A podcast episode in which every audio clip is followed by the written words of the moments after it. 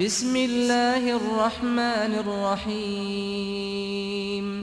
قل يا أيها الكافرون لا أعبد ما تعبدون ولا أنتم عابدون ما أعبد ولا أنا عابد ما عبدتم ولا أنتم عابدون ما أعبد لكم دينكم ولي دين 奉至仁至慈的安拉之名，你说：不信教的人们啊，我不崇拜你们所崇拜的，你们也不崇拜我所崇拜的。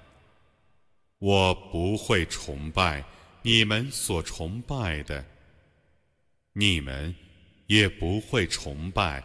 我所崇拜的，你们有你们的宗教，我有我的宗教。